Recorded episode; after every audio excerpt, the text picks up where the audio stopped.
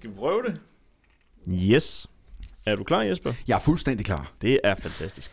Velkommen her til den første episode af podcasten Handlekraft. Det er en podcast, hvor vi går i dybden med den danske detailbranche. Jeg hedder Mads Havgro. Jeg står her sammen med podcastens øh, faste gæst og medvært, Jesper Bøjsen, direktør i Power. Velkommen til, Jesper. Tusind tak.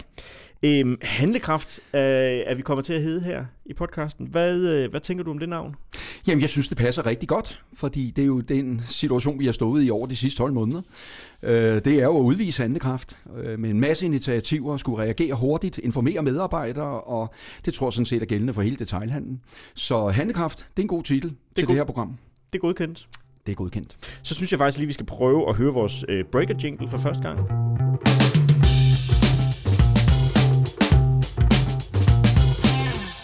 Vi skal måske lige starte med at lægge en disclaimer ud her. Det er, at det her det er en podcast, som er lavet sammen med jer, sammen med Power, din Binks.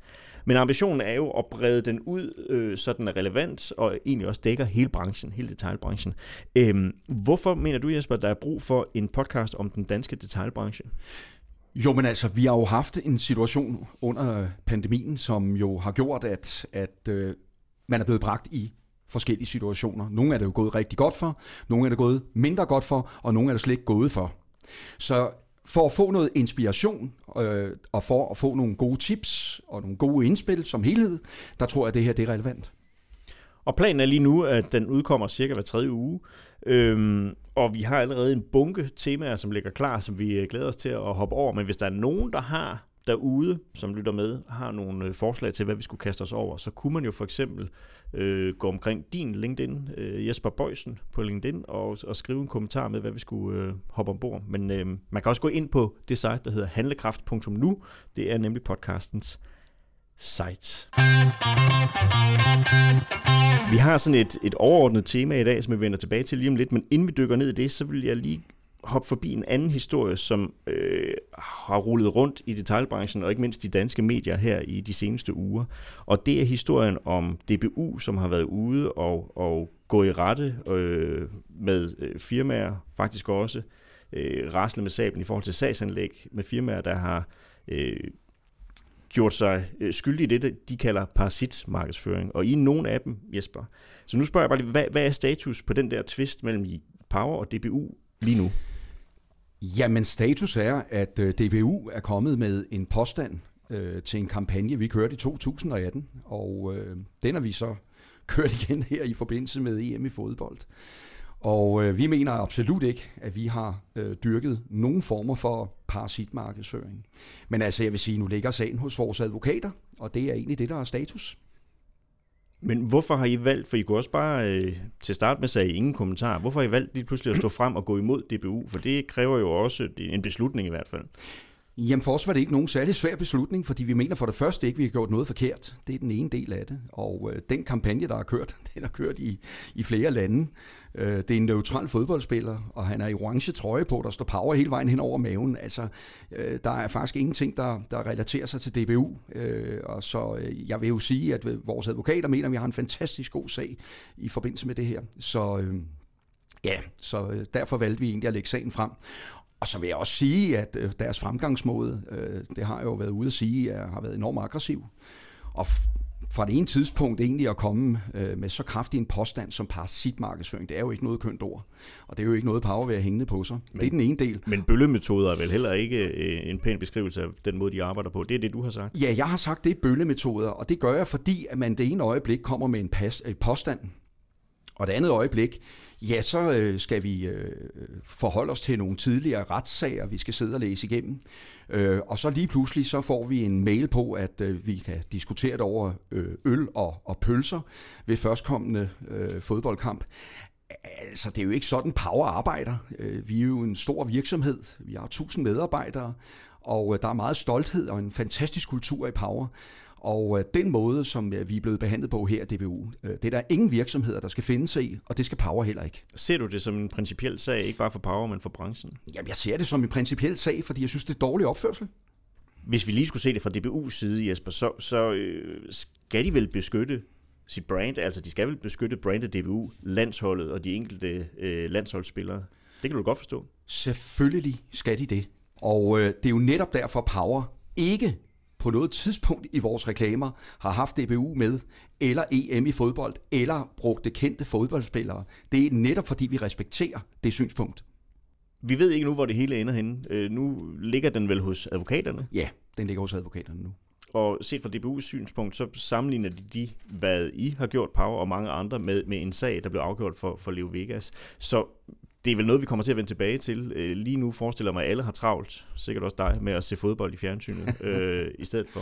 Ja. Øhm, er du nervøs for den her sag? Nej, jeg ligger bestemt ikke søvnløs. Nu skal vi til det, som egentlig er omdrejningspunktet her i, øh, i dagens podcast, og det, det egentlig handler om, det er et, et spørgsmål, som lyder, er dansk detailhandel forandret for evigt efter corona?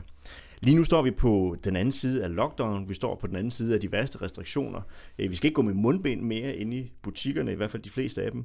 Øhm, så er vi på vej tilbage til der, hvor vi var før, eller øh, er situationen en helt anden. Og udover at du står her stadigvæk, Jesper Bøjsen fra Power, så har vi også fået Henrik Hyltoft med, som er markedsdirektør i Dansk Erhverv. Øh, velkommen til, Henrik. Tak for det. Men vi starter lige over hos Jesper. Jesper, øh, lad os lige springe ud i det. Tror du, at dansk handel for altid er forandret her efter corona? Ja eller nej? Det er ja. Hvorfor? Jamen, jeg tror, at det kan understøttes af, at øh, vi stået op til en ny hverdag. Dels så øh, vil jeg sige, at pandemien har jo gjort, at vi har jo med det ændre på rigtig, rigtig mange ting. Øh, forbereder os på rigtig, rigtig mange ting. Og øh, det tror jeg har sat sin spor. Vi er blevet mere digitale. Øh, jeg vi er jo nærmest tvunget til gennem øh, hele pandemien, at vi skal, øh, at vi skal øh, lige pludselig øh, til tasterne. Og det tror jeg for mange mennesker har været øh, nyt, og jeg tror også, at, øh, at det vi jo måske, hvor vi er på i dag, der vil jeg sige, det havde vi måske nok ved i 3-5 år frem. Øh, det er der, vi er i dag. Så der er en proces, der er blevet speedet op? Ja, det må man sige. Øh, og øh, så jeg er ret overbevist om, at, øh, at øh, vi er forandret. Hvis du skulle prøve at komme med de tre sådan, vigtigste forandringer eller nye måder at handle på, som I har set hos jeres kunder på grund af corona, hvad, hvad, hvad har det været så? Jamen det har været for det første, at vi er jo glade for i dag, at vi har været på forkant i forhold til en massiv investering i, øh, i vores online shop. Øh, Click and Collect øh, har jo også været et begreb, at danskerne jo i den grad har taget til sig, og vi har kunne se den andel af, hvor kunderne bestiller varer på nettet, øh, og, og får varen sendt hjem, den er faldet, øh, og kunderne i højere grad søger til butikkerne for at hente varerne. Øh, de har simpelthen ikke lyst til, at der kommer nogle mennesker enten ind eller hjem til dem, øh, og derfor så er den frekvens af, af blandt andet øh, den frekvens øh, øget. Henrik, du sidder jo eh, meget, meget centralt. Du sidder på toppen af det hele, for nu at sige det som det er, og har jo eh, overblikket i forhold til ikke bare øh, Power, men hele branchen. Hvad, hvad, hvad tænker du om det her? Er vi, kan vi vende tilbage til det, hvor vi var før, eller øh, er der sådan en evig forandring på grund af corona? Jeg er meget på linje med det, som Jesper siger, at vi kommer til at se en markant forandring som følge af corona. Det er der slet ingen tvivl om. Øh, man har accelereret en udvikling, som måske var i gang kan man så sige, hvis man skal sige det sådan lidt pænere, at øh, vi har jo set de sidste 10 år, der er lukket butikker stille og roligt. Gadebilledet har ændret sig. Det fik fuld skrald under corona, forstået på den måde. Nu forstod alle forbrugere, også dem, der var mest tøvende, at øh, e-handel, det er rigtig, rigtig smart. Det at være digital, det kan nogle ting, øh, og det har alle fundet ud af nu. Øh, fordi nu var der simpelthen en grund til, for dem, der har manglet lysten og evnen til at gå ind og oprette en profil på en hjemmeside, eller hvad der nu skulle til for at komme i gang, så har man kommet over den barriere og kommet i gang. Så det har katalyseret en proces, som egentlig var i gang i form af digital omstilling i detailhandlen. Nu har man fundet ud af, at det er simpelthen en bydende nødvendighed. Så de sidste tvivlere, de, de bliver fjernet fra markedet nu. Nu bliver man nødt til på en eller anden måde i hvert fald at tage stilling til, hvordan man vil håndtere digitalisering. Det er ikke sådan, at alle skal have en klik og collect løsning. Det passer ikke til nødvendigvis den lille bitte butik, men så skal man i hvert fald være i stand til at bruge de sociale medier på en eller anden måde til at gøre opmærksom på sig selv. Så det, på den her vis har coronakrisen været god til at sætte gang i en udvikling, som detailhandlen nogle steder i hvert fald har tøvet lidt med. Det lyder meget positivt, det der. Det vil sige, at du er, er godt tilfreds med, at vi har fået en, en, en corona-gennemgang, og ligesom er blevet optimeret på den måde? Det nej, vi er jo ikke tilfredse med, at der har været en, en sundhedskrise, som der har været her, men der er jo ingen tvivl om, at en krise kan man jo også bruge til noget positivt. Og man kan selvfølgelig vælge at sætte sig ned og græde over, at man har mistet en masse omsætning, og der er helt sikkert nogen, der har lidt virkelig, virkelig voldsomt under corona. Ingen tvivl om det. Og der er heller ingen, det er heller ingen hemmelighed, at vi har været meget kritiske over for den måde, man har behandlet detailhandlen på i forhold til de her nedlukninger, øh, fordi vi ganske enkelt ikke mener, og det mener vi fortsat, ikke at man har dokumenteret, at der var nogen nævneværdig smittespredning i detailhandlen. Men det var nu den gang løsning, man valgte, øh, og det som vi noterer os ind hos os, det er jo, at der er jo rigtig, rigtig mange detaljister, som godt vil den her udvikling, og som rigtig gerne vil gå i gang med den her digitale omstilling, og få de her kanaler til at spille sammen på en ny måde. Så er der også rigtig mange, og det skal man jo ikke glemme, når man taler detaljhandel. Det er jo en kæmpe branche, øh, målt i antal beskæftigede, men også i antallet af virksomheder. Og der er jo en kæmpe stor forskel på de digitale frontrunner, hvad de kan, og så den lille bitte selvstændigt eget butik, hvor der står en, der måske har stået bag disken i 40 år og har sin egen lille butik, hvad vedkommende kan håndtere rent digitalt. Så derfor vil vi jo se et udskillingsløb i forhold til, skal sådan en lille butik eksempelvis blive digital? Det tror jeg ikke på, den skal, fordi den har ikke en chance mod de store, superprofessionelle organisationer, der bare kan hyre de rette kompetencer ind og få gjort tingene. Så vi kommer til at se et udskillingsløb, hvor vi kommer til at se en differentieret detaljhandel fortsat, men vi kommer til at se det med en anden struktur, end den vi kendte. Jesper, øh, de processer, som I har speedet op, hvad er det for nogle ting? Nu, en ting er, hvordan øh, kundeadfærden har været og har ændret sig, men hvad har I øh, internt gjort? Altså, hvad er, I, hvad har I blevet nødt til at gøre på grund af corona? Nå, men altså, vi måtte jo iværksætte en hel del initiativer, som Henrik også nævner i forhold til øh, nedlukning. Vi havde et valg mellem at bare sende folk hjem øh, og, øh, og få vores lønkompensation, men vi valgte at så ske ind i den anden hånd. Så det vi har måttet speed op på, det var egentlig blandt andet den chat, som øh, funktion som Power har i dag. Den meget succesfulde chat, vi har fået. Øh, vi startede før corona, der havde vi måske en 5-6 mennesker siddende på vores chat. I dag der er vi cirka 1.500 mennesker tilknyttet. Og det er altså butiksmedarbejdere, så det vi har fået speedet op på, det er jo at få dels udnyttet vores, øh, vores øh, medarbejdertimer langt, langt bedre. Fordi midt på dagen, hvor ikke der er så travlt, der kan man hoppe på chatten. Og det har vi altså 1.500 mennesker nu, at der kan gøre ude i øh, vores butikker. Og det betyder jo rent faktisk for kunderne, at man får en god faglig betjening. Det er jo ikke, og ikke misforstå, når jeg siger, bare en kundecentermedarbejder. Men der er altså et højere kompetenceniveau, når vi er medarbejdere, der både går ud i butikken, der går og rører ved varerne, og ikke måske bare sidder og læser op fra en hjemmeside. Og så må vi jo også sige, så netop i forlængelse af, at vi har fået en chatfunktion, så har vi jo introduceret vores Power øh, TV Live Shopping, som jo på toppen igen øh, har boostet en udvikling. Vi har først set det i Asien, og så skrev børsen jo en artikel, øh, og øh, Øh, øh, ja, da jeg læser den artikel og kommer på jobbet og siger, vi skal lave tv, øh, live shopping, jamen øh, der går der fem, øh, fem dage, så har vi den første udsendelse. Og det, det, det havde vi måske ikke gjort, hvis ikke den nedlukning, den har været der. Så der er mange processer, vi har speedet op. Så har vi også øh, indført måske nok mere kundevenlige øh, afhentningsformer, hvor at vi har måtte introducere Power to Go. Det er jo igen for kunder, der måske ikke er så glade for at gå ind i en butik på grund af smittefaren. Der introducerede vi jo Power to Go, som man vi havde sådan en A-bog stående derude øh, med et mobilnummer på, man kunne ringe på, så kom en lagermedarbejder altså ud og fik læset varen, så var man fri for at gå ind. Henrik, for din kontorstol, når du kigger ud over det, ikke bare i retning af Power, men i hele branchen, hvad tænker du, når man kigger fremad? Altså, hvilke initiativer vil du ligesom gå og, og, og prikke folk på skulderen, andre øh, øh, butikker og virksomheder og sige, I skulle prøve det der? Eller hvad, hvad ser du, der er det bedste, der er kommet ud af corona? Jamen det bedste, det er vel dybest set, at alle er blevet tvunget til at tænke over, hvad gør vi i forhold til at være digitalt til stede, øh, som ud at møde vores kunder. I, I gamle dage, der kendte købmanden alle sine kunder, og han vidste godt, at sidste gang, så købte fru Jensen sådan og sådan, så den her gang, så skal hun bruge det og det. Det er i virkeligheden det, vi er på vej tilbage til nu, bare på en digital måde. Og det, som jeg ved, at der er rigtig mange af de store aktører, der kæmper med, det er at lære kunden så godt at kende, at de ved, når du går ind i den fysiske butik, når nu er det Jesper, der kommer her. Og sidste gang, der købte Jesper den her. Så når, jeg, når han står op ved kassen og skal købe noget andet, så har vi også lige tilbud, der matcher det, som Jesper har købt. Og det kan godt være, at Jesper købte det på nettet, men det ved man faktisk også nede i butikken, fordi man får det hele til at smelte sammen. Så det her unified commerce, det bliver noget af det, som vi kommer til at se. Det hvor du kender kunden og bridger kunden fra den ene kanal til den anden. Det er sindssygt svært. Det er nemt at tale om, og den gamle dags købmand, han kunne det, fordi det var kun et kontaktpunkt. Det var meget nemt. Nu er der sindssygt mange kontaktpunkter. Du låner, du låner søndens eller datterens computer og går ind og køber et eller andet, så skulle du også være i stand til at finde ud af, at det var faktisk Jesper, der købte på den anden computer her det her med at finde ud af, hvad er det egentlig for en adfærd, som den enkelte forbruger har, og finde det, det er der blevet sat rigtig meget turbo på nu. Og vi har set forskellige meget kreative løsninger. Nogle har super velfungerende, andre er mindre gode øh, under corona i forhold til, hvordan folk kunne få adgang til varerne. Men selv vores bedsteforældre er kommet på nettet nu og har lært at købe dagligvarer. Dagligvarer har været noget af det allertungeste at få danskerne til at gøre, fordi vi har en stolt tradition i Danmark for, at vi helst skal handle 3-4-5 gange om ugen i en fysisk butik.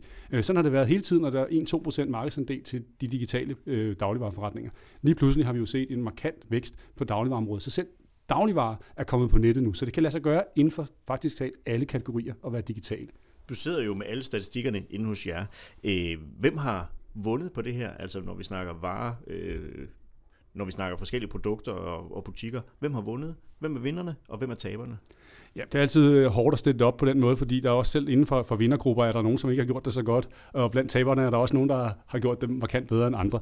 Men man kan selvfølgelig sige, at dagligvarer er jo en historie for sig. Øh, forstået på den måde, at i og med at restauranter og caféer osv. lukkede ned, så blev, og arbejdspladserne også, så blev der rigtig, rigtig stort behov for, at folk købte dagligvarer hjem til. Så hele dagligvarerbranchen har jo haft de bedste år øh, nogensinde, tror jeg faktisk nærmest, øh, man kan sige, i, i sidste år. Øh, og det er jo fortsat langt ind i år i virkeligheden. Øh, så dagligvarerhandel, men det er sådan en kategori for sig. Hvis vi så kigger på udvalgsvarer, som, som Jesper også er inde for, jamen så kan man jo sige, at, øh, at sidste år, der så vi jo, at danskerne blev sendt hjem. Hvad skete der så? De havde behov for at lave noget. Så byggemarkederne fik sindssygt travlt. Havecentrene fik sindssygt travlt. Og så fandt man pludselig ud af, at vi var heller ikke så digitalt opdateret derhjemme. Det nytter jo ikke noget, når vi sidder fire mand, der skal på nettet, bredbåndsforbindelsen er langsom, og computeren ikke er super skarp. Øh, og i øvrigt er det også meget fedt, at øh, ungerne kan sidde og spille nu på en eller anden spillekonsol, og fladskærmen er i orden. Så der kom jo super gang i elektroniksalget, også som et område, hvor man bare må sige, men de har jo virkelig, virkelig kunne have gavn af at løfte danskernes digitale oplevelse derhjemme øh, i forbindelse med den her nedlukning. Så det er nogle af de områder, der har klaret sig rigtig, rigtig godt. Hvis vi ser på dem, der har det lidt mere trist, så er det jo folk, som eksempelvis sælger forretningspræget tøj. Øh, fordi hvem skulle bruge det, når man sad foran en teamsmøde? Øh, så kunne man måske købe en hvid skjorte, øh, men, men man kan jo sagtens sidde i shorts og joggingbukser. Så der har vi jo set en ændring. Og plus at folk jo generelt ikke skulle så meget i byen, det betyder også, at det hele taget forbruget af tøj har bare været markant lavere. Øh, nu ligger der formentlig sådan en efterspørgsel og venter, fordi nu trænger folk i den grad til at komme ud og blive luftet igen, så nu skal vi have fornyet garderoben, og nu skal vi i gang og, og have et socialt liv igen.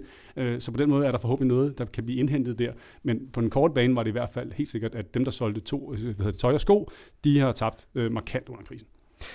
Jeg læste en artikel øh, for nylig omkring, øh, hvor man tog udgangspunkt i Tisted som handelsby, som har været øh, haft det svært i flere år, men hvor corona faktisk har fået butikkerne til at stå øh, sammen. I løbet af kort tid fik de lavet en fælles øh, webshop-platform, og de lavede fælles udbringning af varer. Og der øh, opstod ligesom sådan en, en lokal patriotisme i forhold til de lokale butikker. Tror du, Jesper, at øh, tror du, det var en frem for butikker, som måske var på nippet til at have det svært? Jo, men det er jo igen et eksempel på, hvor, at en, øh, hvor en situation egentlig tvinger folk til at øh, tænke nyt. Og øh, jeg vil jo sige, at det initiativ, der blev lavet, er jo en fantastisk idé. At, øh, det er jo vanskeligt, når det er, at man er en lille selvstændig, og vi er jo øh, kendt for at være et iværksættersamfund i, øh, i Danmark, og der er mange af os. Øh, og helt klart, så vil jeg da sige, at øh, hvis man skulle sidde og vente på at få sin egen IT-løsning, så er der lange udsigter. Så det initiativ, øh, det initiativ, der blev lavet der, synes jeg jo er fuldstændig fantastisk. Stor ros. Anledningen til, at vi står og gør øh, coronastatus, i hvert fald for jeres vedkommende, øh, Jesper, for Powers vedkommende, det er jo fordi, at de øh, netop har breaket jeres øh, årsregnskab for øh, 2020. Øh, og for første gang, så kommer I ud med sorte tal på bundlinjen. Øh, hvis vi lige riser op, så er jeres omsætning, den er vokset med 850 millioner. Det er en vækst på 38 procent. Det betyder, at I har rundet 3 milliarder i omsætning. Og så er overskuddet for 2020, det er på lige knap 23 millioner kroner. Og nu sagde Henrik lige før, at øh, der var nogen, der fik brug for computer, elektronik, nye fjernsyn osv. Det har I jo også lukreret på. Så spørgsmålet til dig, det er, har corona reddet øh, jeres regnskab i 2020? Jeg det er jo svært at sige, fordi det er jo på godt og ondt. Hvis vi kigger på den negative side af det, så er der jo lange perioder, hvor, hvor Power jo ikke har haft åbnet alle butikkerne, øh, og på et tidspunkt helt nedlukket. Øh, og så har vi jo hypermarkederne, øh, som jo har haft mulighed for at sælge alle de varer, vi egentlig skulle have solgt. Så det er det, der trækker til den negative del. Men vi skal da også erkende, at øh, det ved den i, da vi bliver øh, delvis nedlukket i første omgang, øh, så skulle danskerne jo lige pludselig have hjemmekontorer. Og det har været sådan meget sjovt for os, fordi vi har kunne følge alle vanerne. Øh, først så var det hjemmekontorerne, og som Henrik også ganske rigtigt sagde, så skulle ungerne altså have noget at spille på. Og så var det de store tv, hvor man skulle se noget sport på. Og så kommer vi hen i efteråret, og der kan vi godt se, at, øh, at øh, der begynder danskerne altså at lave mad igen. Og øh, vi begynder at se, at det, der bliver investeret i køkkener, i køkkenmaskiner. Vi har aldrig solgt så mange dyre køkkenmaskiner, som vi har gjort i efteråret. Og op til jul, der skal jeg garantere for, at der er blevet bagt i de små hjem. Og man kan sige, jeg tror, det har været en stor øjenåbner, også for familien, i forhold til øh, spørgsmål om, om, om, øh, om øh, corona nu har ændret. Jeg tror også, at familierne har ændret sig. Man er blevet mere tæt sammen. Og så er der nogen, der bliver skilt. Øh, men i hvert fald øh, bundlinjen er, at vi har kunne følge danskernes vaner, fordi vi er så stor en del af de fleste menneskers hverdag med det produktudvalg, vi har. Så øh, det har selvfølgelig været øh, hovedårsagerne til, at det måske har gået godt. Vi har jo selv været spændt på, øh, hvordan det vil gå efterfølgende. Nu havde vi altså en skidt start på året her med en nedlukning i både januar og i februar. Øh, og øh, så vi var meget glade 1. marts, da vi kunne åbne op, og der har vi jo eksploderet. Og på samme måde, som man har haft lyst til at gå ud og købe en ny skjorte, for nu kan vi komme i byen igen, så har det også været det samme for en power, at kunderne er jo strømmet ind i vores, øh, i vores forretninger. Øh, men køber online og til at afhente nede i butikken. Og det er altså et sjovt mønster, jeg i hvert fald aldrig har set før. Øh, så så øh, i, i forhold til øh, den vækst, vi har haft, der kan vi se, Power har øget omsætningen, på trods af, at vi har haft nedlukket i både januar og februar, øh, så har Power indtil nu øget omsætningen øh, i år. Det her det er til jer begge to. I, i branchen har jo været reguleret langt mere end tidligere, og egentlig uden at de sådan har kunne stille spørgsmål øh, til det, kan man sige, under øh, pandemien. I har prøvet, Henrik, men, men øh, I har sikkert gjort, hvad I kunne. Vi har ikke bare prøvet, vi har kæmpet. ja, øhm, øh, afstandskrav, nedlukning og så videre. De her indgreb, som er kommet fra politisk hold, er det en ny virkelighed? Er det noget nyt, som I bare skal til at vende jer til, at, at sådan bliver det fremover? Jamen, jeg, jeg forventer sådan set, at øh, vi kommer tilbage til noget, der minder om en normal situation nu.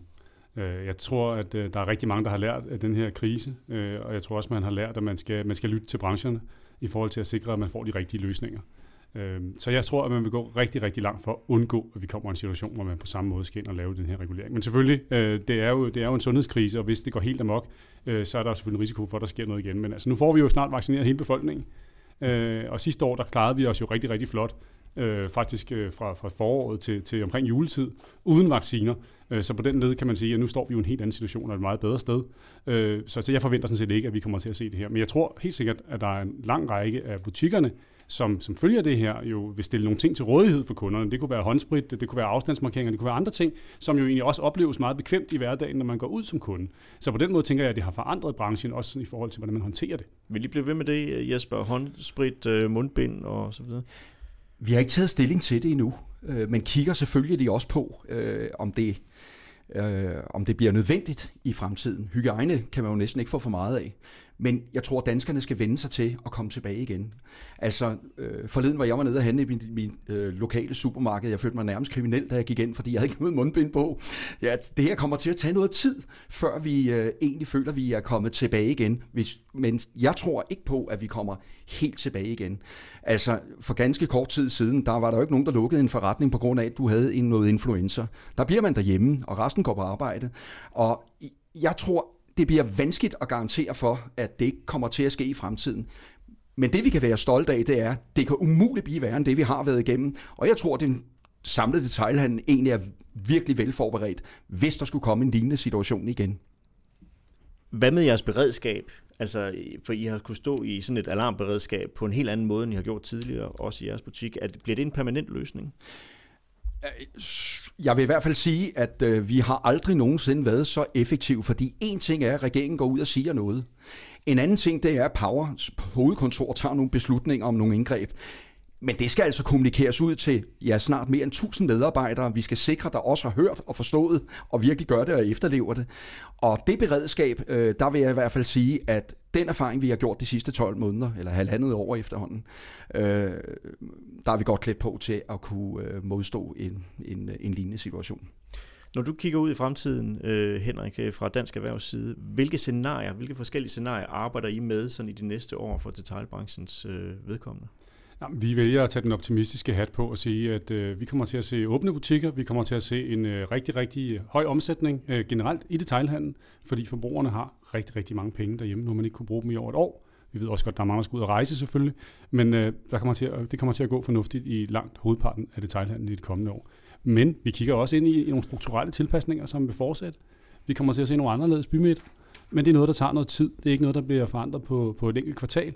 Men øh, vi kommer til at se nogle anderledes bymidter, hvor butikkerne kommer til at få nye placeringer. Vi kommer til at se nye typer af virksomheder i de traditionelle hovedgader. Øh, der bliver meget mere fokus på sundhed eksempelvis. Vi har allerede set med caféer og restauranter også kommet ind nu, der hvor der typisk bare lå almindelige butikker. Nu har man pludselig fået en lang række servicefag ind også. Og der kommer vi til at se meget, meget mere af i de kommende år. Hvis vi står her om to år og taler detaljbranche, taler vi så også corona? Jeg gør forhåbentlig ikke. Ej, det håber jeg ikke. Lad os lade det være de sidste ord, tænker jeg, og så vil vi sige tak, fordi du vil være med her i dag, Henrik Køltoft fra Dansk Erhverv. Tak fordi I måtte. Ja, jeg vil også sige tak. Vi øh, lukker dagens episode her af podcasten med at uddele et skulderklap. Mm. Øhm, vi vil nemlig i hvert afsnit kåre det, vi har valgt at kalde, indtil videre i hvert fald, ugens detaile. Fik du den, Jesper? Uh, det er svært at sige. Ja, ugens detaile. Øh, og det er en, øh, et lille skulderklap, der går til nogen, som har gjort noget ekstraordinært godt, øh, kreativt eller overraskende i detailbranchen her den seneste tid.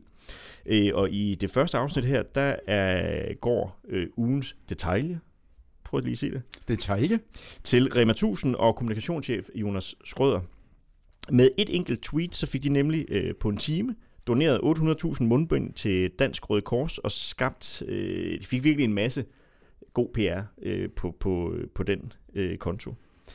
Og nu har vi dig jo med på en telefon, Jonas Skrøder. Ja, goddag. Goddag. Det er dig, der er kommunikationschef i Rema 1000, er det ikke det? Jo, det er det. Det er perfekt. I fredags, Jonas, der, øhm, der går du på Twitter, og så skriver du, nu prøver jeg lige at læse op her. Nå, men det er altså bare at sige til, hvis nogen vil købe en pakke mundbind eller to. Vi har en del paller på lager. Og hvad sker der så? Ja, ja så øh, svarer øh, blandt andet Anders Ladekarl, som er øh, generaldirektør i Røde Kors, at øh, han kan desværre ikke øh, betale for dem, men han kunne virkelig godt tænke sig nogle mundbind, fordi de sender dem ud i øh, verden. Der går enormt kort tid fra, at du har meldt ud til Anders Ladekarl, melder tilbage, og så til I, I går videre. Altså, hvad er, det, hvad er det, der sker på de indre linjer, siden I kan... I reagerer jo meget hurtigt. Jamen, der sker jo bare det, at øh, jeg, nu, jeg kan jo sidde og kigge over på ham nu. Øh, han sidder lige over foran på et kontor, Anders, øh, vores indkøbs- og marketingdirektør. Så øh, der sker jo egentlig det, at øh, jeg egentlig sidder i et møde, så det er jo derfor, der går 38 minutter. Så det sker jo lige ud af et teamsmøde, og så går jeg over og banker på og siger, at øh, Røde Kors har brug for nogle, øh, nogle mundbind. Hvor, hvor mange har du lyst til at give, hvis du er af med nogen? Og så gav han mig det tal der. Og så var det det? Sådan var det, og så skyndte jeg mig at gå ind og skrive, øh, hvad vi har, så han ikke øh, ombestemt sig Anders derinde. Så en af mine gode kolleger gør mig så opmærksom på det der tweet i, øh, i fredags, og så derefter synes jeg jo, at det virkelig tager fart rundt omkring på Berlinske BT og hvad de ellers hedder. Den får en over nakken i landstækkende og, og også øh, lokalaviser. Øh, hvad skete der efterfølgende for dig? Hvor travlt fik du der? Jamen, jeg fik da egentlig pænt travlt, fordi at, øh, altså jeg synes egentlig, sådan normalt når man laver noget derinde på Twitter og de sociale medier, så tager det lidt at blive i den boble, eller der bliver måske citeret derfra. Men det er rigtigt nok, at, øh, at jeg blev ringet op af en del journalister. Jeg var også på ja, i P4 her i weekenden også, og i TV2 News i morges, de startede ud her. Nu, nu, nu er vi mandag, den dag, hvor at, øh, den første dag, hvor vi tager mundbinden af. De startede også ud øh, hos os øh, tidligt i morges, hvor jeg stod nede på lærret der. De synes, det var en meget sjov og god ramme, kan man sige, for komme i gang med den her dag, hvor vi alle sammen jo skal til ikke at have mundbind på. Så, øh, så der, kom der, der kom der en del opmærksomhed omkring det. Hvad tror du, det der tweet har været værd, øh, Jonas, sådan i kroner og øre? Det er lidt svært. Der var en gang, hvor jeg var øh, ung kommunikationschef i Jysk, så kom jeg stolt ind og sagde til chefen, at i annonceværdi, der har vi fået omtalt, hvad der svarer til, hvad var det, 1,2 millioner på Lars Larsens fødselsdag, tror jeg det var, og så sagde min, min chef dengang, øh, jamen, hvornår får jeg så pengene? Så det er, det er at holde op i den her købmandsverden med at, med at prale med, hvor, meget, hvor meget værdi der er det. Men altså, det der, jeg synes jo i hvert fald, det er interessant at se, hvordan sådan noget det kan gå fra, hvad skal man sige, øh, Twitter til, øh, til ud over de, de mere traditionelle medier. Det er en ret interessant dynamik, der ligger i de ting der. Men er vi enige om, at det er et af de bedste øh, tweets, du har lavet? Ja, det vil jeg sige. Det er op på, det er jo helt op til top 3, vil jeg sige. Egentlig vil jeg bare øh, slutte af med at sige tillykke med øh, at være den første vinder i den her lille øh, følgetong af, af folk, der markedsførings- og kommunikationsmæssigt gør det godt. Hvornår kan vi forvente sådan et øh, guld-tweet igen fra, øh, fra Rema 1000? Altså, nu tror jeg lige, øh, nu tror jeg lige, jeg skal lade vores indkøbsdirektør være et stykke tid, inden jeg får lov til at, at give så mange mundbind væk igen. Så det, jeg kan desværre ikke love, hvornår det sker, men øh, I må holde øje. vi vil holde. Det er perfekt, det gør vi. Tusind tak til dig, Jonas Skrød, og det var altså kommunikationschefen fra Rema 1000. Jesper, hvad tænker du, eller hvad tænkte du, da du så det her tweet? Gud, hvor er det dog befriende. Hvor er det dejligt at se ud over det, vi normalt går og beskæftiger os med i det daglige. Øh, det var det første. Og dernæst så tænker jeg, det er jo et godt formål, og øh, Røde Kors er jo et godt formål. Så jeg vil sige, at øh, enormt prisværdigt, og gud, hvor er det flot. Jeg blev enormt opstillet. Som vi snakker om her, så gik det jo ekstremt hurtigt. Hvad, hvad siger det dig, når man ligesom kan få, den, få svar fra Ladekarl, og så returnere så hurtigt, som, som det skete her for Rema 1000? Ah, det må man jo kalde handlekraft. Så, så jeg vil sige, det lever, lever i hvert fald op til programmet her. Så, så absolut. Ja, så det jeg tænker, det er jo, viser en fantastisk dynamik. Det var måske faktisk ikke et dårligt sted at sætte øh, dagens sidste øh, komma. Så det var faktisk slutningen på vores første afsnit af podcasten Handlekraft. Hvad tænker du om det, Jesper, hvis vi skal evaluere lynhurtigt? Jamen, jeg synes jo, det er dejligt at have gæster. Øh, og jeg må sige, at Henrik berører jo hele vores detailhandel, og få de indspil fra Henrik, det er mega relevant. Og jeg vil da heller ikke afvise, at øh, vi skal have gæster i fremtiden, når der er emner, der er vigtige, eller de indspil, der kommer. Ja, altså vi er dygtige i power, men det er jo ikke kun en powerudsendelse. Så må vi invitere nogen, der har forstand på de emner, der kommer ind. Øh, det vil jeg synes er meget befriende, lærerigt, og øh, jeg håber, det kan bruges. Hvis du sidder derude og synes om det, du har hørt, øh, så giv os endelig en anmeldelse inde i din øh, podcast-app, og husk at abonnere, så du ikke går øh, glip af næste afsnit, som dukker op om tre ugers tid. Tusind tak, fordi I lyttede med, og tak til dig, Jesper. Tak.